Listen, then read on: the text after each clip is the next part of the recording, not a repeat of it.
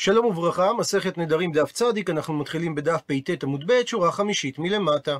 אחרי שהביאה הגמרא את מחלוקתם של רבי נתן וחכמים, האם בעל יכול להפר את הנדר של אשתו לפני שהוא חל, מביאה הגמרא סיפור. ההוא גברא, אותו אדם, דאיצר הנייתא דעלמא עלי, שאסר על עצמו הנעת הבריות, אינה סיבעיתתא, כי לא תנינא הלכתה. אם הוא יתחתן לפני שהוא ילמד תורה. הוא מסביר הר"ן שהוא נדר כך מפני שהיה רוצה ללמוד תורה קודם שיישא אישה, כדי שלא יתבטל מחמתה, כמו שאומרת הגמרא בקידושין, רחיים בצווארו, הוא צריך לפרנס ועוסק בתורה, הרי זה דבר שהוא קשה מאוד. אבל מספרת הגמרא שלמרות הנדר הזה, רהיט בגפה וטובליה, ולא אמצי למיתנה. הוא מסביר המפרש, גפה זה הסולם שעולים בו באילן, טובליה זה החבל שתולים בדקל ומושכים להם למטה את הענפים שבהם יש את התמרים, וזה משל שאומרים בני האדם, הוא רץ למעלה ולמטה לעסוק ולשנות הלכות, ולא הצליח הדבר בידו. הראש במקום מסביר את הדברים בצורה אחרת. גפה וטובליה זה כלים שמכניסים בהם פירות, זאת אומרת שהוא היה עסוק במלאכתו ולכן לא עלה בידו ללמוד. ובסוגריים נאמר שיש הרבה אנשים שמחפשים סגולה כדי ללמוד, וכנראה שהסגולה הכי טובה זה פשוט לשבת וללמוד. סגור סוגריים, עתה בא רב אחא בר רב הונא, ושבשי ואינסב איתתא, והוא שיבש אותו, הטעה אותו, ואמר לו שלא יהיה נאסר לאחר מכן, ובעקבות כך אותו אדם מתחתן עם אישה, אבל אז חל הנדר. הפכנו דף, ושר קייטינה, ואתיה לקמא דרב חיסדא. ורב אחא בר אבונה לכלך את אותו אדם ביתית כדי להראותו שהוא צריך לבריות לאלתר באופן מיידי כי הוא צריך לכבס את בגדיו. או גם ניתן לפרש שהוא מרח אותו ביתית כדי שלא יכירהו רב חיסדא, כי היה אותו אדם מתבייש בפני רב חיסדא על מה שהוא לא קיים את נדרו. ועל כך אמר רבא, מן חכים למי ודקי המילתא, איזה אדם חכם ידע לעשות את הדבר הזה, אילאו אם לא היה מדובר דרב אחא בר אבונה, דגברא רבא הוא שהוא אדם גדול, דקסבר רב אחא בר אבונה, דקי איכי דפליגי רבנן ורבי נתן בהפרה, שכמו שהם נחלקו לגבי הבעל האם הוא יכול להפר נדר עתידי של אשתו, הכינם מפליגי בשאלה. סבר רבא חבר אבונה שהם נחלקו גם בשאלה האם חכם יכול להתיר נדר שעדיין לא חל. ומעיר הר"ן שאומנם יש לנו כלל שאומר שכאשר יחיד ורבים נחלקים הלכה כרבים, אבל רבחה בר אבונה רצה להוציא את עצמו מהמחלוקת, ועל ידי כך שהוא הטעה את אותו אדם חל הנדר, וממילא גם לשיטת רבי נתן יכול חכם להתיר את נדרו. ורב פאפי לעומת זאת אמר שהמחלוקת של רבי נתן וחכמים זה דווקא בהפרה, ורבי נתן סבר שאין הבעל מפר אלא אם כן חל הנדר, והסיבה דכתיב פסוק בישעיהו נקרא בפנים, וחפרה הלבנה ובושה החמה, כי מלאך אדוני צבאות בהר ציון ובירושלים, ונגד זקניו כבוד. הוא מסביר המפרש, שדורשים את הפסוק על ידי חילוף של האות ח' עם האות ה', כך שהמילה וחפרה, משמע, מתי ניתן להפר את הנדר? בזמן שחל הבניין שלה, וזה תואם לדברי רבי נתן, שאמר בדף כ"ב, הנודר כאילו בנה במה. הוא מביא המפרש אפשרות נוספת ללמוד את הדברים מפסוק נוסף, שאחרי הפסוק וחפרה הלבנה ובושה החמה, כתוב והיה אור הלבנה כאור החמה, ואור החמה יהיה שבעתיים וגומר. זאת אומרת שרק באותה שעה נחלש אור הלבנה. והסיבה לדבר כי מלאך השם צבאות על ישראל, ולא קודם שזה יקרה. ואותו דבר גבי נדר, שאת ההפרה אפשר לעשות רק מהזמן שהנדר חל ולא קודם שיחול. ורבנן לעומת זאת סברי, שבעל מפר אף על פי שלא חל הנדר עדיין, והמקור לכך דכתיב, פסוק באיוב נקרא בפנים, מפר מחשבות ערומים ולא תעשנה ידיהם תושייה. דמשמע שהפרה שייכת אפילו במחשבה בעלמא, אף על פי שלא חל הנדר עדיין. אבל אם מדובר בנדרים שצריכים בשאלה לחכם, בזה דברי הכל מסכימים רבי נתן וחכמים, שאין חכם מתיר כלום, אלא אם כן כבר חל הנדר. והמקור לכך דכתיב, פסוק בספר במדבר, איש כי ידור נדר לאדוני, או אישה בשבועה לאסור איסר על נפשו, לא יחל דברו, ככל היוצא מפיו יעשה.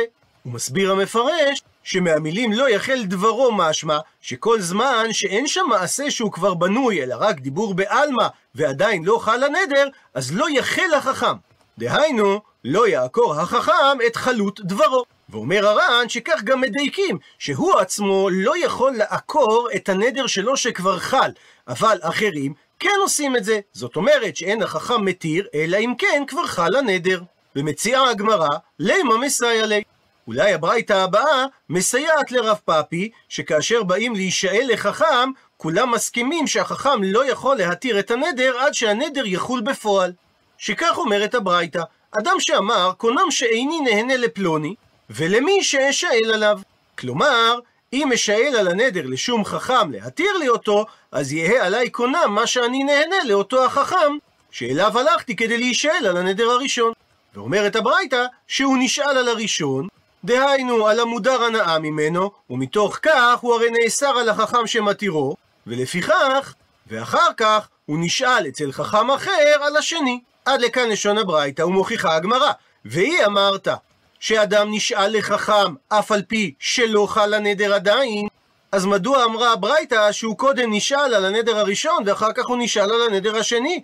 הרי אי באי על הייניצ'יל ברישא ואי באי על הייניצ'יל ברישא. הוא יכול לבחור על איזה מהנדרים להישאל ראשון, ואז הוא יכול היה ללכת אצל חכם ולומר כך אני הדרתי ראובן מנכסיי, והדרתי גם כן את אותו חכם שאשאל לפניו, ועכשיו אני רוצה להישאל לפני פלוני חכם, ואני מתחרט על מה שאסרתיו בהנאתי. ומזה שהברייתא אמרה שהוא לא יכול להישאל קודם על הנדר השני, אלא דווקא קודם על הנדר הראשון, שמע מינה שאין חכם מתיר, אלא אם כן כבר חל הנדר. ומכאן סיוע לשיטת רב פאפי, שלכולי עלמא חכם יכול להתיר נדר רק אחרי שהוא כבר חל. דוחה הגמרא את ההוכחה, ומי ידע אי היי קמא אי היי בתרא. מי אמר שהתנא קרא לנדר הראשון ראשון ולנדר האחרון אחרון? אולי לשון התנא הראשון ושני זה מתייחס לשאלה שהוא בא להישאל אצל החכם, שהוא נשאל על איזה מן שירצה תחילה. ולאותו נדר קורא התנא ראשון, ולנדר שהוא נשאל אחר כך הוא קורא אחרון. כך שמהברייתא הזאת אין הוכחה לשיטת רב פאפי. מביאה הגמרא ניסיון הוכחה נוסף, אלא לימה מסייע לי, אולי נסייע להסברו של רב פאפי, שלדעת כולם חכם יכול להתיר נדר רק אחרי שהוא חל מהברייתא הבאה. אדם שאמר, קונם שאיני נהנה לפלוני, והרי אני נזיר לכששאל עליו. ואומרת הברייתא שהוא קודם נשאל על דדרו, ואחר כך הוא נשאל על נזרו. ומוכיחה הגמרא, והיא אמרת שאדם נשאל לחכם אף על פי שלא חל הנדר עדיין, אז מדוע אמרה הברייתא שהוא קודם נשאל על נדרו ואחר כך נשאל על נזרו? אי באי על נדרו איצ'יל ברישא, אי באי על נזרו איצ'יל ברישא. הרי אם הוא רוצה, הוא יכול להישאל קודם על נדרו, ואם הוא רוצה, הוא יכול להישאל קודם על נזרו. אלא מכאן הוכחה לדברי רב פאפי, שלפי כולם לא ניתן להישאר על נזרו בהתחלה, מפני שנזרו עדיין לא חל. דוחה הגמרא את ההוכחה, כי ניתן לומר שהברייתא רבי נתן היא. שהוא אמר שבהפרת הבעל את הנדר לאשתו צריך שיחול הנדר לפני שהוא מפר, וכל שכן שבשאלה לפני חכם על הנדר, שצריך שהנדר יחול לפני כן, שהרי כתוב לא יחל, אבל אולי, כמו שחכמים נחלקו על רבי נתן בהפרה, אולי הם נחלקו עליו גם בשאלה. מביאה הגמרא גרסה אחרת לדברי רב פאפי. אמר אבינה, אמר למרי מר כך, הכי אמר אבוך, ככה אמר אבא שלך, משמי דרב פאפי, מחלוקת בהפרה, אבל בשאלה, דברי הכל מפר, ואף על פי שלא חל הנדר עדיין, והמקור לכך דכתיב לא יחל דברו. ומשמעות המילה דברו זה דיבור בעלמא, ולא חלות הנדר בפועל. הפכנו דף למימרא, מכאן ניתן להסיק, דלא הווה בי מעשה, שהתרת הנדר בפני החכם היא אפילו על דיבור, למרות שהנדר עדיין לא חל. ולפי הגרסה הזו, דברי רב פאפי בדיוק הפוכים לדברי רב פאפי בגרסה הקודמת. וממילא, שני המקורות התנאיים שמהן הגמרא ניסתה להביא הוכחה לדברי רב פאפי, תביא אותם עכשיו הגמרא כקושייה.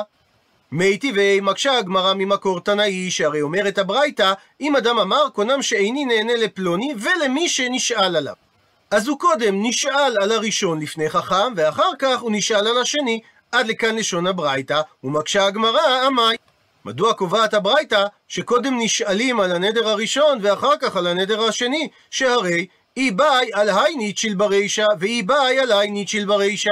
לפי ההסבר של רבינה בדברי רב פאפי, כולם מסכימים שחכם יכול להפר נדר שעוד לא חל. כך שאם הוא רוצה הוא יכול להישאל על הנדר הראשון שכבר חל, ואם הוא רוצה הוא יכול להישאל על הנדר השני שעוד לא חל. מתרצת הגמרא, מי כידע היי ראשון והי שני? והיכן אתה יכול לדעת למה התכוון התנא כשהוא אמר נשאל על הראשון ואחר כך נשאל על השני?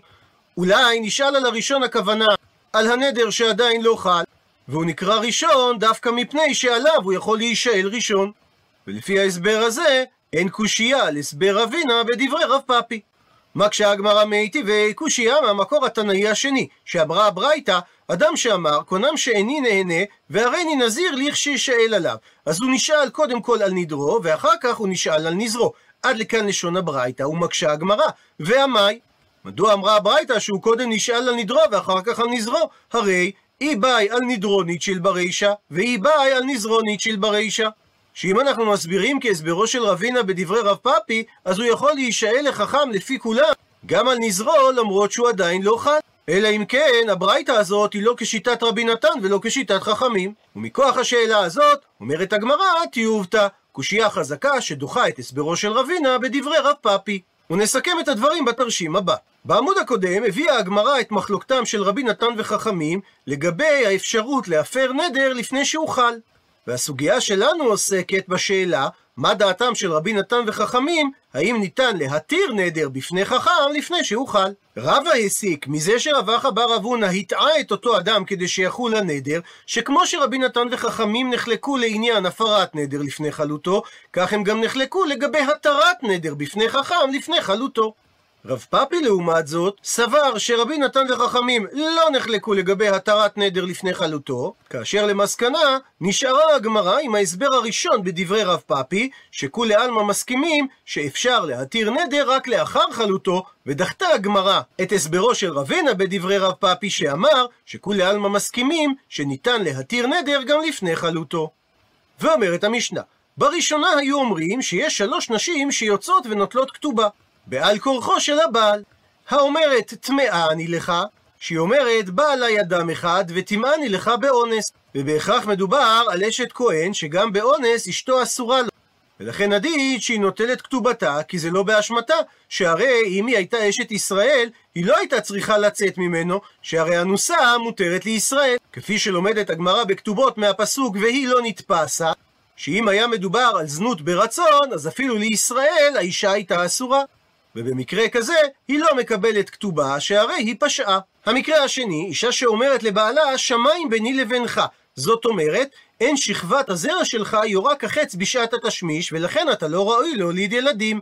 ואומר הר"ן, שהיא באה מחמת טענה, ואומרת, אני רוצה שיהיה לי מקל ליד, ועת לקבורה. זאת אומרת, שיהיו לי ילדים שיעזרו לי כאשר אני אהיה זקנה, ואחר כך ידאגו לקבורתי. כי אם היא לא באה עם הטענה הזאת, אלא היא רק טוענת שהיא רוצה ילדים, אז אין בדבריה כלום, כי אנחנו אומרים לה, את לא מצווה על הבאת הילדים. ומקשה הר"ן, הרי מצינו שכך אמרה שרה לאברהם אבינו, שנאמר, ישפוט השם ביני וביניך, שזה מקביל לביטוי השמיים ביני וביניך. הוא מסביר הר"ן שניתן לומר שטענת שרה היה שאברהם מרוחק ממנה לגמרי, וזה נגרם בגלל הגר.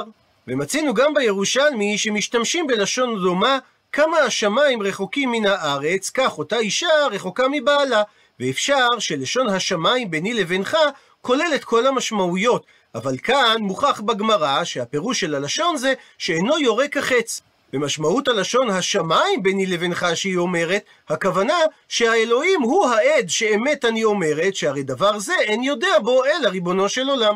והמקרה השלישי, אישה שאומרת, ונטולה אני מן היהודים. שהיא אסרה על עצמה הנעת תשמיש של כל היהודים ובעלה בכלל זה, וזה מוכיח שהתשמיש קשה לה, והיא נחשבת כאנוסה לעניין תשמיש, ולכן כופים אותו להוציא וליתן לה כתובה. ואומרת המשנה שחזרו חכמים לומר שהיא לא יוצאת עם כתובה, מפני שלא תהא אישה נותנת עיניה באחר ומקלקלת על בעלה. ואחר כך שמא תלך למקום שאין מכירים בה ובנדרה ותינשא לאדם אחר. אלא, האומרת טמאה אני לך תביא ראיה לדבריה, שאכן שא, ובלאו הכי היא לא תיאסר על בעלה. ומי שאמרה השמיים ביני לבינך יעשו דרך בקשה, הוא מביא הר"ן את הירושלמי שהבעל יעשה סעודה ויפייס אותה, וזה בגדר עצה טובה שנתנו לבעל. ומי שאמרה ונטולה אני מן היהודים, יפר הבעל לחלקו, וממילא ותהא משמשתו, ואם הוא ימות או יגרש אותה, ותהא נטולה מן היהודים. ושואל הר"ן, הרי מצד הדין, אישה שאמרה לבעלה, טמאה אני לך, היא נאסרת על בעלה, כמו שאמרה המשנה ברישה.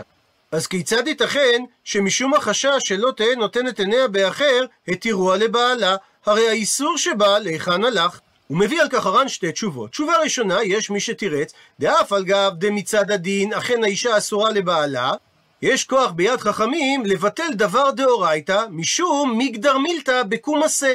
דגדר גדול גדרו בה, שלא תיתן עיניה באחר להפקיע עצמה מיד בעלה, והרשות בידם לעשות כן. כמו שאומרת הגמרא ביבמות, מגדר מילתא שני. אבל הקשו על כך, הרי אין בית דין מתנים לעקור דבר מן התורה, אלא באופן של שב ואל תעשה, דהיינו באופן פסיבי, או גם בקום עשה, בתנאי שזה בהוראת שעה, כמו אליהו בהר הכרמל, אבל לדורות חכמים לא עוקרים דבר בקום עשה.